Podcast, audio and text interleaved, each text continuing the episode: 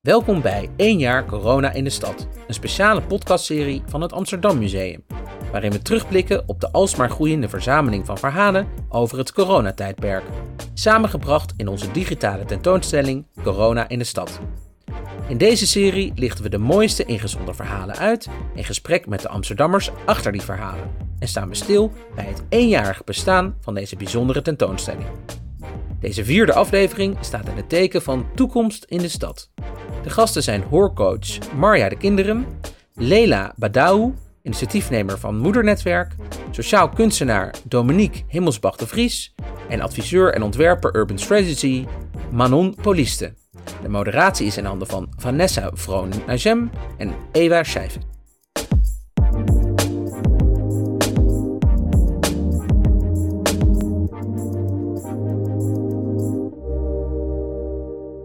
Hallo allemaal, welkom bij dit nieuwe uur van Corona in de Stad.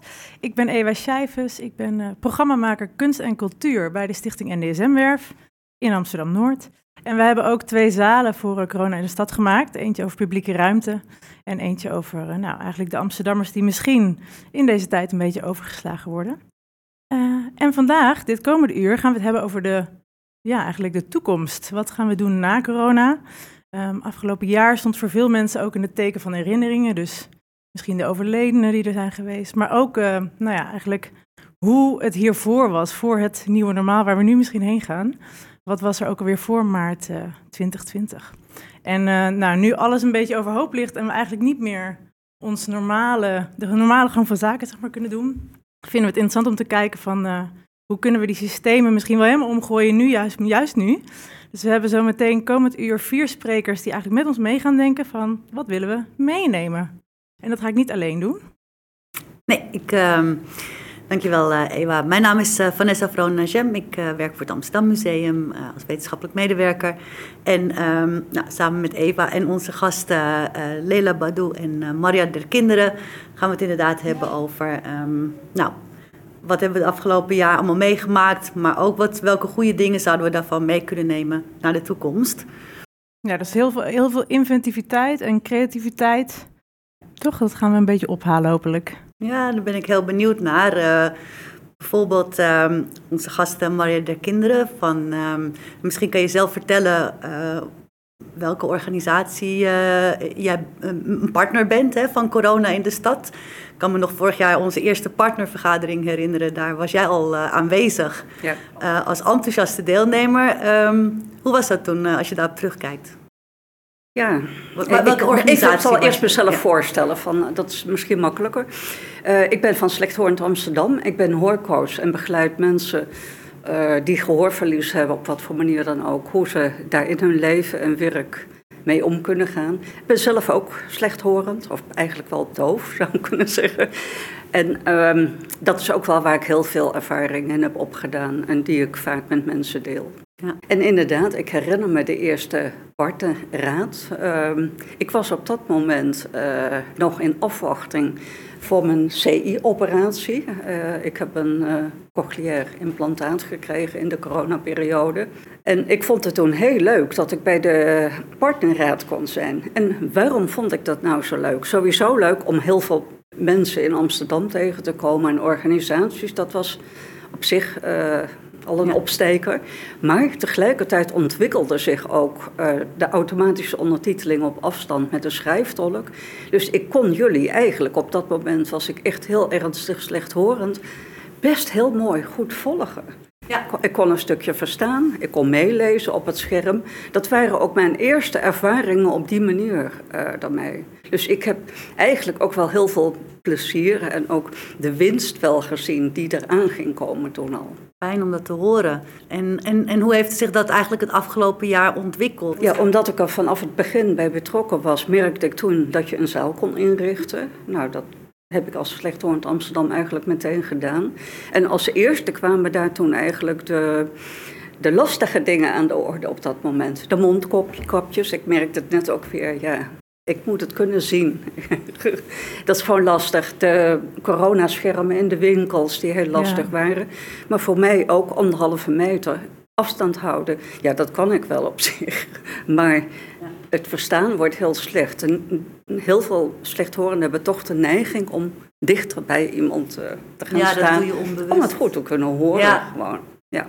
Dat dus, ja, dat hebben we eigenlijk in het begin vooral gedaan.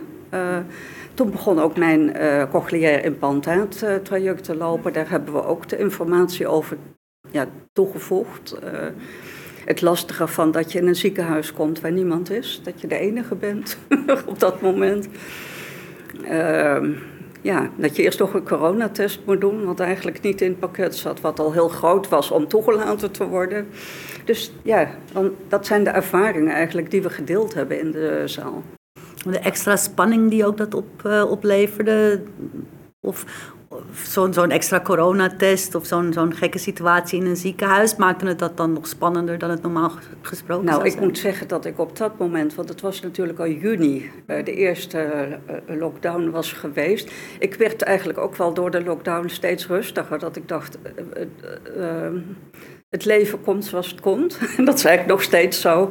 En je moet gewoon anticiperen op, over hoe dingen gaan. Dus het geeft spanning, natuurlijk. Ik kan dat niet ontkennen, maar ja, ik ben ook wel relaxed iemand eigenlijk, die dan neemt zoals het is. En ik ging voor beter horen. En dat kan ik. Kijk, ja, dat is heel fijn. Ja, ja zeker. We zitten hier ook nog met uh, Leila Badou aan tafel. Jij bent oprichter, oprichter van het Moedernetwerk. Kan je vertellen wat dat is? Wat het, houdt het in? Ja, nou, Moedernetwerk is een, uh, een stichting voor uh, gezinnen die in Amsterdam een kind hebben met een beperking. Mm -hmm. Moedernetwerk is ontstaan vanuit eigenlijk mijn werk binnen de reguliere zorg. Ehm, wij, hadden, of wij hebben te maken natuurlijk met gezinnen. Alleen ik merkte dat we binnen ons werk uh, toch uh, minder uh, tijd en aandacht hadden of hebben voor de gezinnen. dus ik heb in mijn vrije tijd gekeken wat ik kan doen om deze gezinnen toch tegemoet te komen. Omdat ja, voor mij als doel kinderen met een beperking een plek te geven in deze maatschappij heel belangrijk is.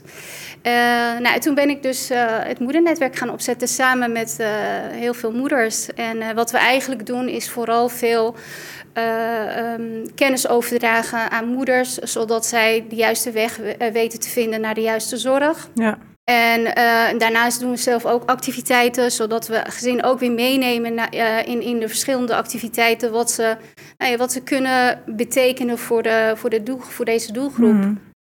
Zoals bijvoorbeeld sporten, maar ook kunst- en cultuuractiviteiten. Nou, dat zijn activiteiten die wij vanuit het Moedernetwerk echt gewoon heel graag meer willen zien in Amsterdam. Um, maar die door corona natuurlijk ook een beetje helemaal op de schop werden gegooid. Ja, dat klopt. Um, uh, dat, uh, dat was inderdaad ook zo. En uh, voor mij, ik werd zelf ook ziek. Ja. dus dat was voor mij inderdaad echt een, hele moeilijke tijd. Um, ik was ziek, maar ik kreeg ook ontzettend veel telefoontjes van gezinnen die heel onrustig werden. Omdat bij de eerste lockdown inderdaad iedereen thuis moest zitten. Nou, en um, ja, als je dus inderdaad een kind hebt met een beperking, met daarnaast nog andere kinderen en nog een kleine huis, is dat allemaal heel spannend. Uh, dus ik heb uh, in mijn zieke periode heb ik ja, daar heel erg mee, mee gezeten. Um, ja, je kan, ja, je kan natuurlijk ook niet veel. Je wil eigenlijk alles. Ja, ja. Ja, dat, ja. Heb je ja. er nieuwe vormen voor kunnen vinden op de een of andere manier? Of ja, ik, ik, ik ben echt Moedernetwerk is in coronatijd uh, juist heel druk uh, geweest. Um, uh, we zijn heel veel kan niet, maar wij zijn wel gaan nadenken wat wel kan en wat de mogelijkheden zijn. Dus als ik terugkijk naar ehm, een jaar geleden, dan denk ik: Goh, wat hebben we toch veel gedaan? Nou, ehm, ik ben na anderhalve week, bijna twee weken, wel weer beter geworden, gelukkig. Dus ik heb meteen gelijk samenwerking uh, gezocht met allerlei uh, hè, initiatieven die in, uh, in Nieuw-West gaande zijn. En gekeken of ik daar kan aansluiten. dat hebben we gedaan. We zijn natuurlijk ook heel veel online actief geweest met gezinnen. Mm. We hebben een eigen klein projectje opgezet. Moedernetwerk TV, of Moeder TV, sorry. Ja, ja, want daar zit ook dus op de, op de website van ja. Corona in de Stad... zit daar een mooi voorbeeld van eigenlijk. Ja. Waarin je ook waarin heel duidelijk die informatievoorziening die jullie zo goed doen ook heel duidelijk naar voren komt. Ja, klopt. Want dat was voor ons wel heel belangrijk om te delen met alle gezinnen de, de veranderingen. die, die plaats, plaats hebben gevonden. Natuurlijk, er is heel veel wijzigingen gekomen. Sowieso voor een kind met beperking die er thuis komt. Maar terwijl ja, ouders natuurlijk de 24 eh, zorg uh, hè, uh, kregen van ja, hoe kunnen we de ouders daarin ondersteunen, maar ook ontlasten. Nou, dat, daar was een regeling voor gekomen, maar hoe doe je dat dan? Waar moet je dan precies zijn? Nou, daar hebben we dus een, keer een hele ehm, tv-programma van gemaakt. Om met een, een, een instantie daarmee in gesprek te gaan en, en de ouders op die manier toch te blijven informeren zodat ouders dan weten wat ze met die regeling kunnen doen. Ja, om toch de gezinnen daarmee verder te helpen.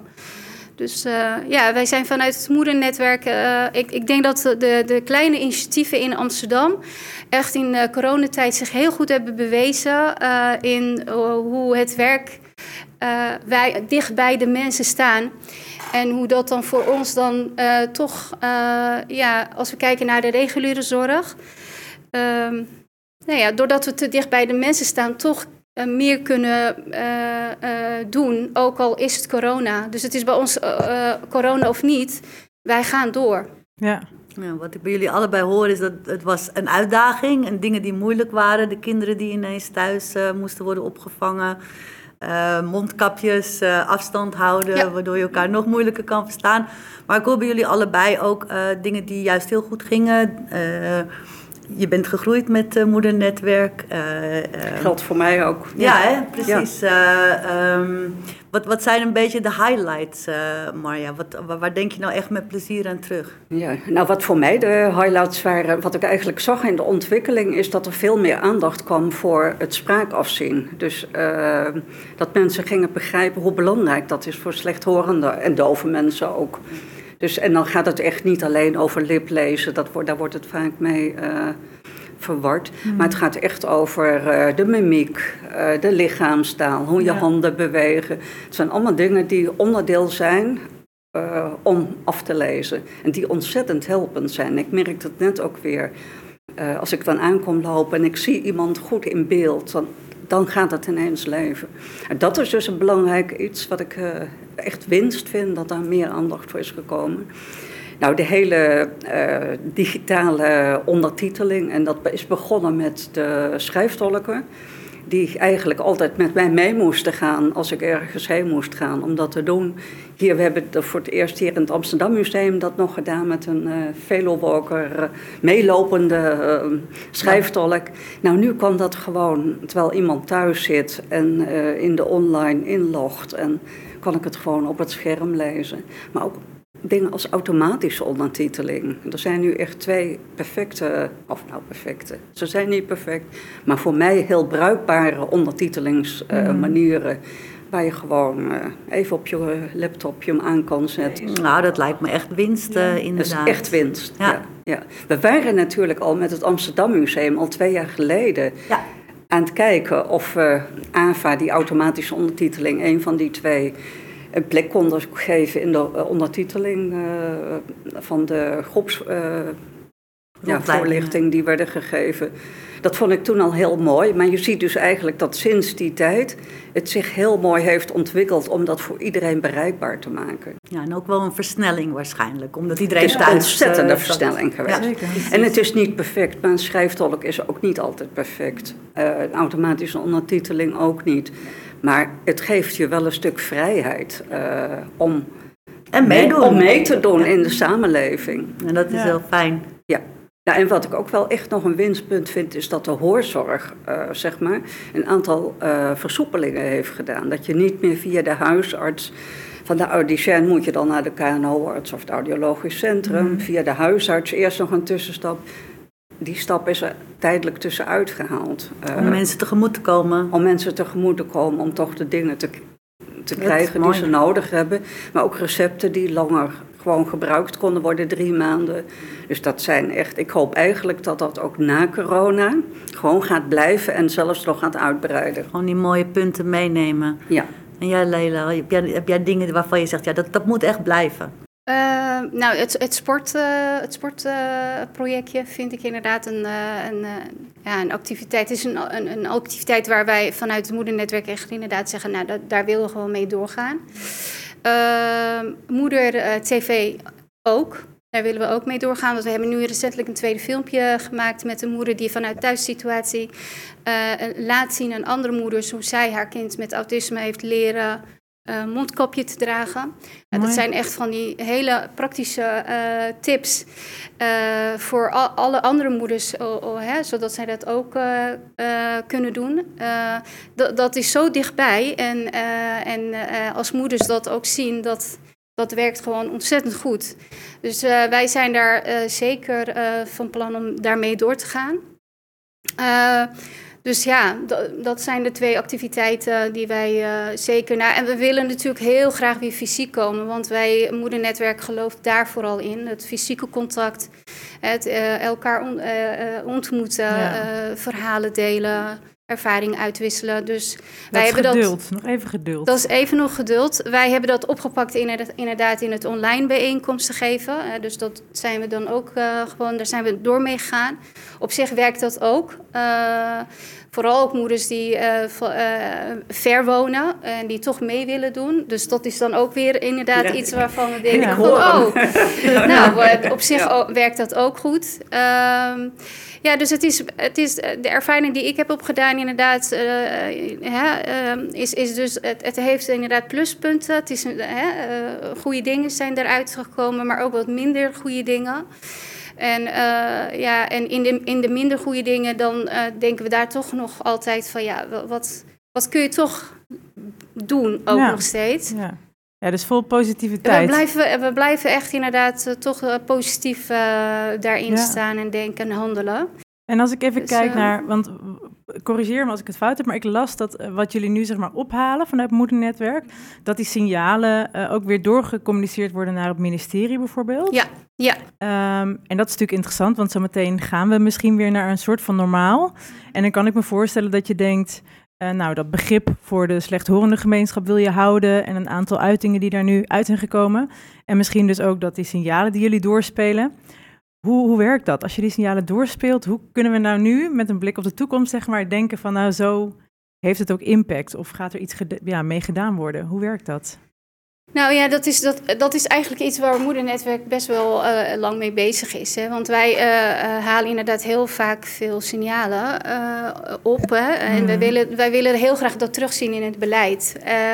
en wij zoeken daar dus ook samenwerking in hè? Met, met organisaties of overheidinstellingen. en wij, wij zeggen ook, wij denken dat we niet zonder elkaar kunnen. Um, vooral nu in, in coronatijd hè, is dat ook weer... Is dat hebben we dat ook weer gezien. Um, dus waar, waar, wij nu heel erg druk mee zijn, is om echt te kijken naar uh, uh, hè, hoe kunnen we met de overheid uh, samenwerken dat de signalen die wij binnenkrijgen, hè, dat we da daarmee echt naar een vaste, vaste organisatie daarmee in gesprek kunnen en dat dat dus echt ook meegenomen wordt in het beleid. Ja.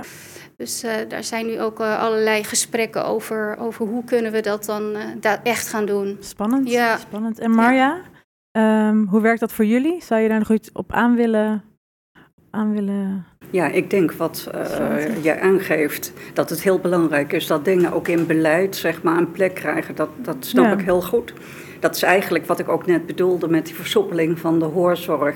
Dat zijn eigenlijk dingen waar verder over doorgedacht moet worden. Dat je bijvoorbeeld, nou ik gebruik bijvoorbeeld, ik zal het even laten zien, vaak solo-apparatuur. Ah.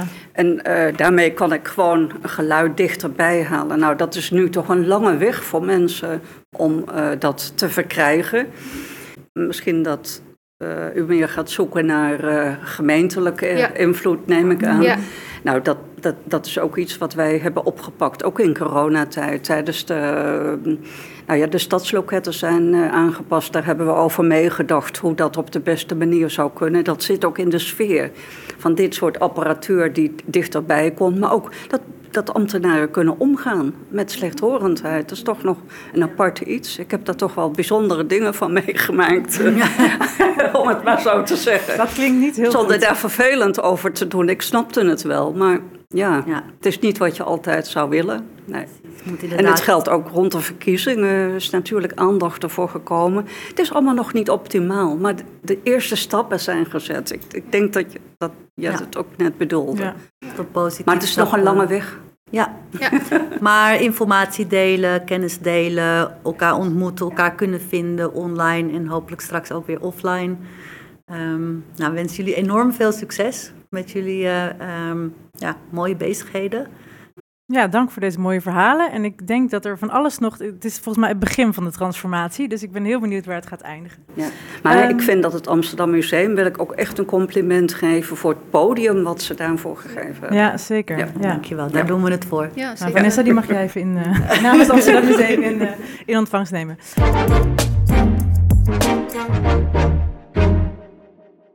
En we zijn weer terug met twee uh, nieuwe sprekers hier aan tafel.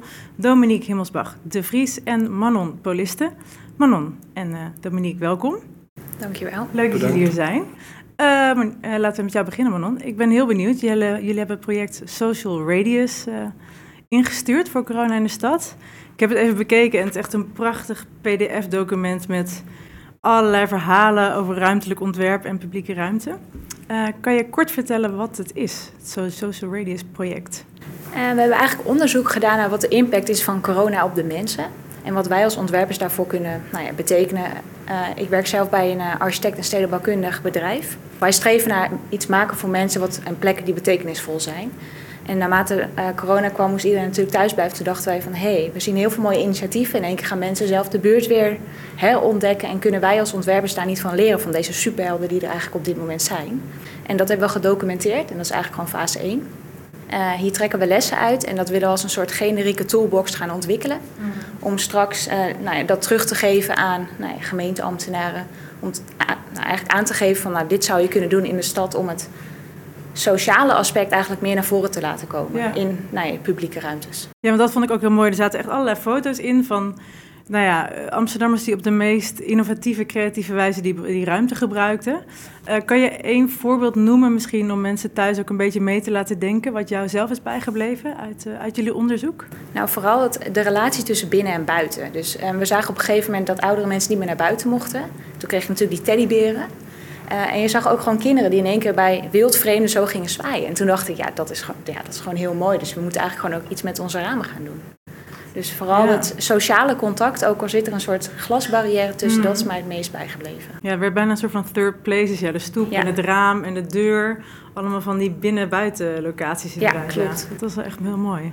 Ja. En um, nu zei je, dit is de eerste fase. Ja.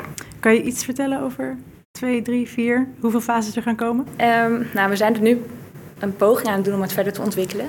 En dus we hebben zelf een aantal, nou, ik noem het even lessen eruit getrokken en bepaalde statements. Hmm. En die willen we eigenlijk in een soort prijsvraag gaan verder brengen. Dus dat andere ontwerpers ook kunnen meedenken wat die generieke toolbox moet zijn voor steden.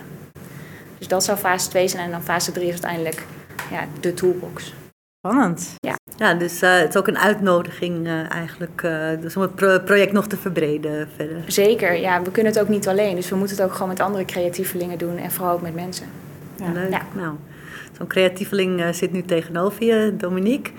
Um, je hebt ook eigenlijk je deur opengezet, uh, residentie in uh, Molenwijk. En je hebt, je, hebt, een soort van spreekuur geopend, toch? Voor, um, voor hulpvragen, als ik het goed begrepen heb. Ja, ja, normaal maak ik ja, monumenten voor ongeschreven toekomsten en uh, geschiedenissen. Uh, ik doe guerrilla-interventies. Maar ik ben ook een hele grote ja, ideeënfabriek je komt met een vraagstuk bij me of ik zie een vraagstuk in een lezing of waar dan ook. En ik, ik draai het om en ik, ik, ik, kom er, ik channel daar ideeën ergens vandaan in, in deze fysieke wereld. En ik dacht, ik wil al een tijd verkennen van hoe kan ik dat in, in dienst van anderen gebruiken.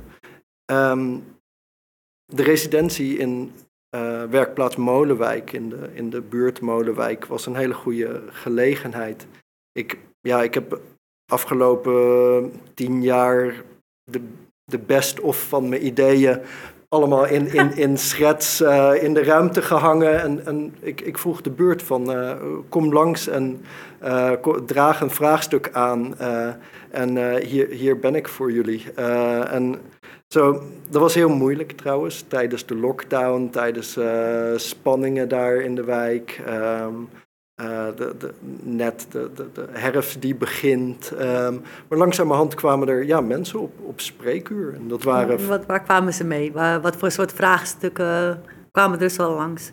Vuurwerk, van wat voor vuurwerk, uh, hoe kan je vuurwerk uh, onder jongeren aanpakken? Ja. um, ah, best een grote vraag. Ja, ja, ja, ja. ja. Uh, maar ook van uh, iemand die, die heel veel ideeën heeft, maar niet weet hoe die met zijn tijd om moet gaan. Uh, een, een, vraagstuk waar ik de laatste tijd zelf ook mee worstel.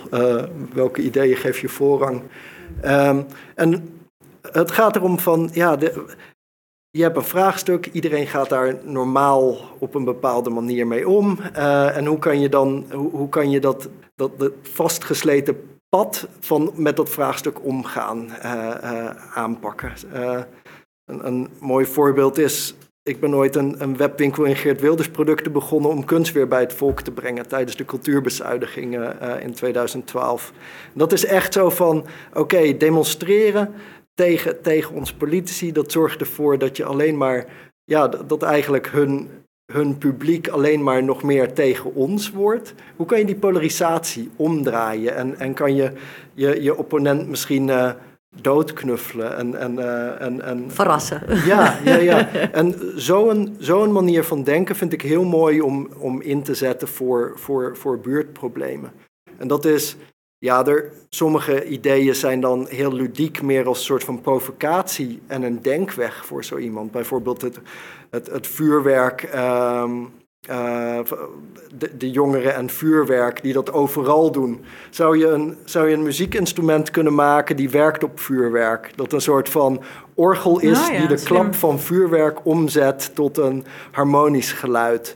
Ehm, en ja, dan heb je natuurlijk niet het idee, het eindidee, maar het is meer een soort van gedachtenrichting van hoe kan je dat vuurwerk in plaats van vijand te zien, kan je ja, mogelijkheden eigenlijk ook. Ja, ja, ja. En dat, is, dat, vind ik heel, aan, heel belangrijk. Dat je in plaats van zo'n groep weg te zetten als een vijand, ze juist ziet van ja, het is geluid en hoe kan je dat inzetten in een buurt. en dat, je was hier duidelijk al mee bezig voor corona. Um, hè, dan in, tijdens de lockdown een spreekuur met mensen die langskomen is misschien ook nog wel ingewikkeld. Mhm. hoe, hoe, heeft corona eigenlijk het afgelopen jaar jouw werk en jouw denken beïnvloed? Ehm, ja, voor mij was het best wel positief, want het zorgde voor een. Ehm, er was minder. Ja, er zijn minder exposities, waardoor ik ook tijd krijg voor, voor projecten die al een tijd weinig aandacht kregen, doordat er. Er is altijd een soort van dit moment en de vragen op dit moment, waardoor je niet aan, aan, aan, aan belangrijke dingen die niet direct gedaan hoeven te worden. Uh, ja. ja, de urgentie uh, was er ineens. Ja, ja, ja. Um, Eén project bijvoorbeeld, ik, ik verspreid al jarenlang portretten van ongedocumenteerde vluchtelingen, houtgesneden portretten onder activisten die ze wild plakken in, in hun steden. het heet een papieren monument voor de papierlozen. En deze hangen van, van Krakau tot uh, uh, Zagreb tot, uh, tot Boston door de straten. En ik wil heel lang dit, dit project vertalen naar hoe kunnen, we, hoe kunnen we in onze gemeenschappelijke geheugen dit verhaal opnemen. En daarom wil ik een gelimiteerde oplage van al deze portretten drukken en voor, voor collecties, om, om het ook in onze archieven te op te nemen. Maar tegelijkertijd vind ik het ook gewoon het sociale is ook heel zo gek dat we ons het, het directe contact verliezen. Ik, ik vond het aan de ene kant, Manon, jij had het over van de publieke ruimte wordt op een andere manier gebruikt. Ik vind het heel mooi om te zien dat er een straatcultuur ontstaat. En dat mensen de publieke ruimte echt in plaats van een tussenruimte, wat eigenlijk non-ruimte is, echt gebruiken als woonkamer. Je, ik fiets elke dag mijn kindje naar de opvang brengend en zie al om acht uur s ochtends allemaal mensen hun uh, push-ups te doen in het Servati Park. En ja, het hele park is een soort van openbare sportschool eigenlijk nu, toch? Dat is ja, een beetje ja, ja. En, en en ontmoetingsplek. En, uh, en dat vind ik, dat vind ik, ik hoop dat we dat meenemen naar de toekomst. Die, die, dat werk, dat contact in de publieke ruimte. Want we, Manon, laten we dan even met jou beginnen. Maar misschien dat jij daar zo meteen ook wel iets over te zeggen hebt, Dominique. Want wat zou daarvoor nodig zijn, zeg maar? Je voelt inderdaad een nieuw soort eigenaarschap in de publieke ruimte over die publieke ruimte. Dus mensen denken ineens, oh, dit bankje kan misschien ook wel een uh, klein podium zijn. Of dit terras is niet open, maar ik kan er alsnog een boek lezen.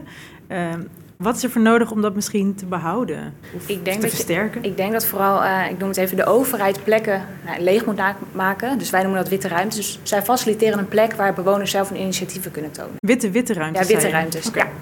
Dus eigenlijk een, een soort lege ruimte. Uh, die wordt gefaciliteerd door de gemeente van hier kan jij iets doen. Uh, en dat bewoners zelf met elkaar gaan bedenken wat zij nodig hebben en zij ook nou ja, willen gaan doen. Zo mm ontstond inderdaad wat jij ook zei.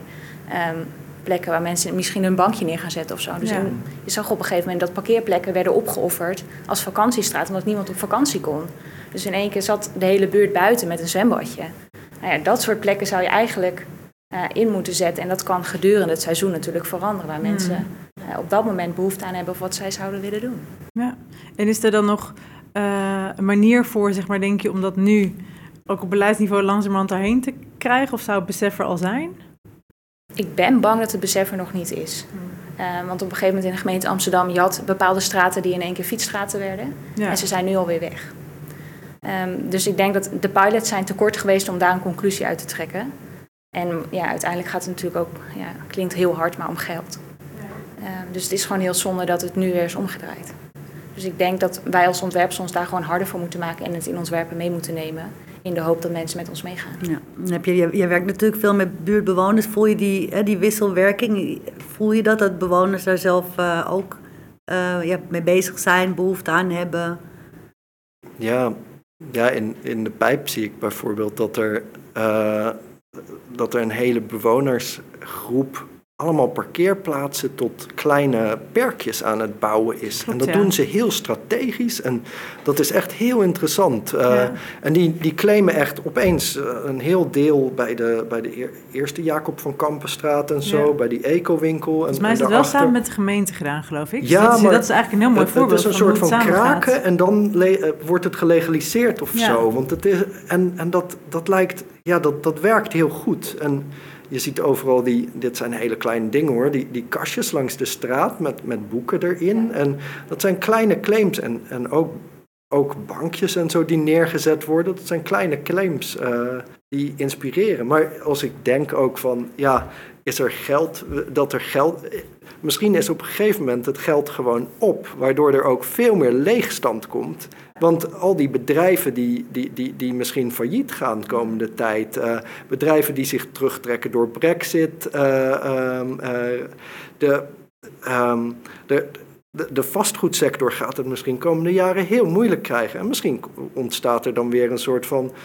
Al onze poppodia komen uit de kraakbeweging. Nou, dat, dat is op dit moment wordt kraken heel erg aangepakt. Maar ik denk dat een soort van kijken van hoe kunnen we wat het positieve wat die, wat die beweging heeft gebracht, hoe kunnen we dat niet te institutionaliseren, maar hoe kunnen we dat op de een of andere manier toch spontaan door, door burgers weer laten ontstaan als, als er leegstand en, en ruimte ontstaat. Ja. En dan dat het vanuit de overheid hopelijk ondersteund uh, wordt. Ja, ja, ja. Ik voel wel een nieuw, nieuw speelveld en ook een nieuwe manier van spelen zo, toch? Als het, als het weer kan. Mm -hmm. Met die claims, maar ook misschien wel met, met de, de leegstand die jij voorspelt. Of in ieder geval de verandering van de invulling. Misschien, misschien. Ja, en de creatieve energie, hè, die als, ja. als je beperkt wordt, zoals nu door corona, alle ja. maatregelen door die beperking komt er ook weer een creatieve energie vrij. Uh, Waar jullie in ieder geval heel erg goed gebruik van hebben gemaakt. Ja, dank jullie wel. En uh, ik denk ook voor Social Radius. Ja, Dominique. Ja, mag ik nog toevoegen? Ja, dit is een verkenning om een soort van stadskunstenaar te worden. Of een, of een rijkskunstenaar. Mensen kunnen met vraagstukken bij okay, me komen. Ja. Dus Dus mail je vraagstukken. Ik zeg niet dat je een antwoord uh, direct krijgt, maar misschien resulteert het in, in mooie schetsen voor, ah, uh, voor jouw probleem. Nou, dus dit is een open oproep. Heb je een vraag aan Dominique uh, en je denkt misschien dat hij daar zijn ideeënfabriek op los kan laten, dan mail hem vooral. Denk je, Social Radius, daar kan ik van alles mee, ik wil betrokken zijn, zoek een project op op corona in de stad. en dan komt Manon waarschijnlijk vast en zeker bij je terug.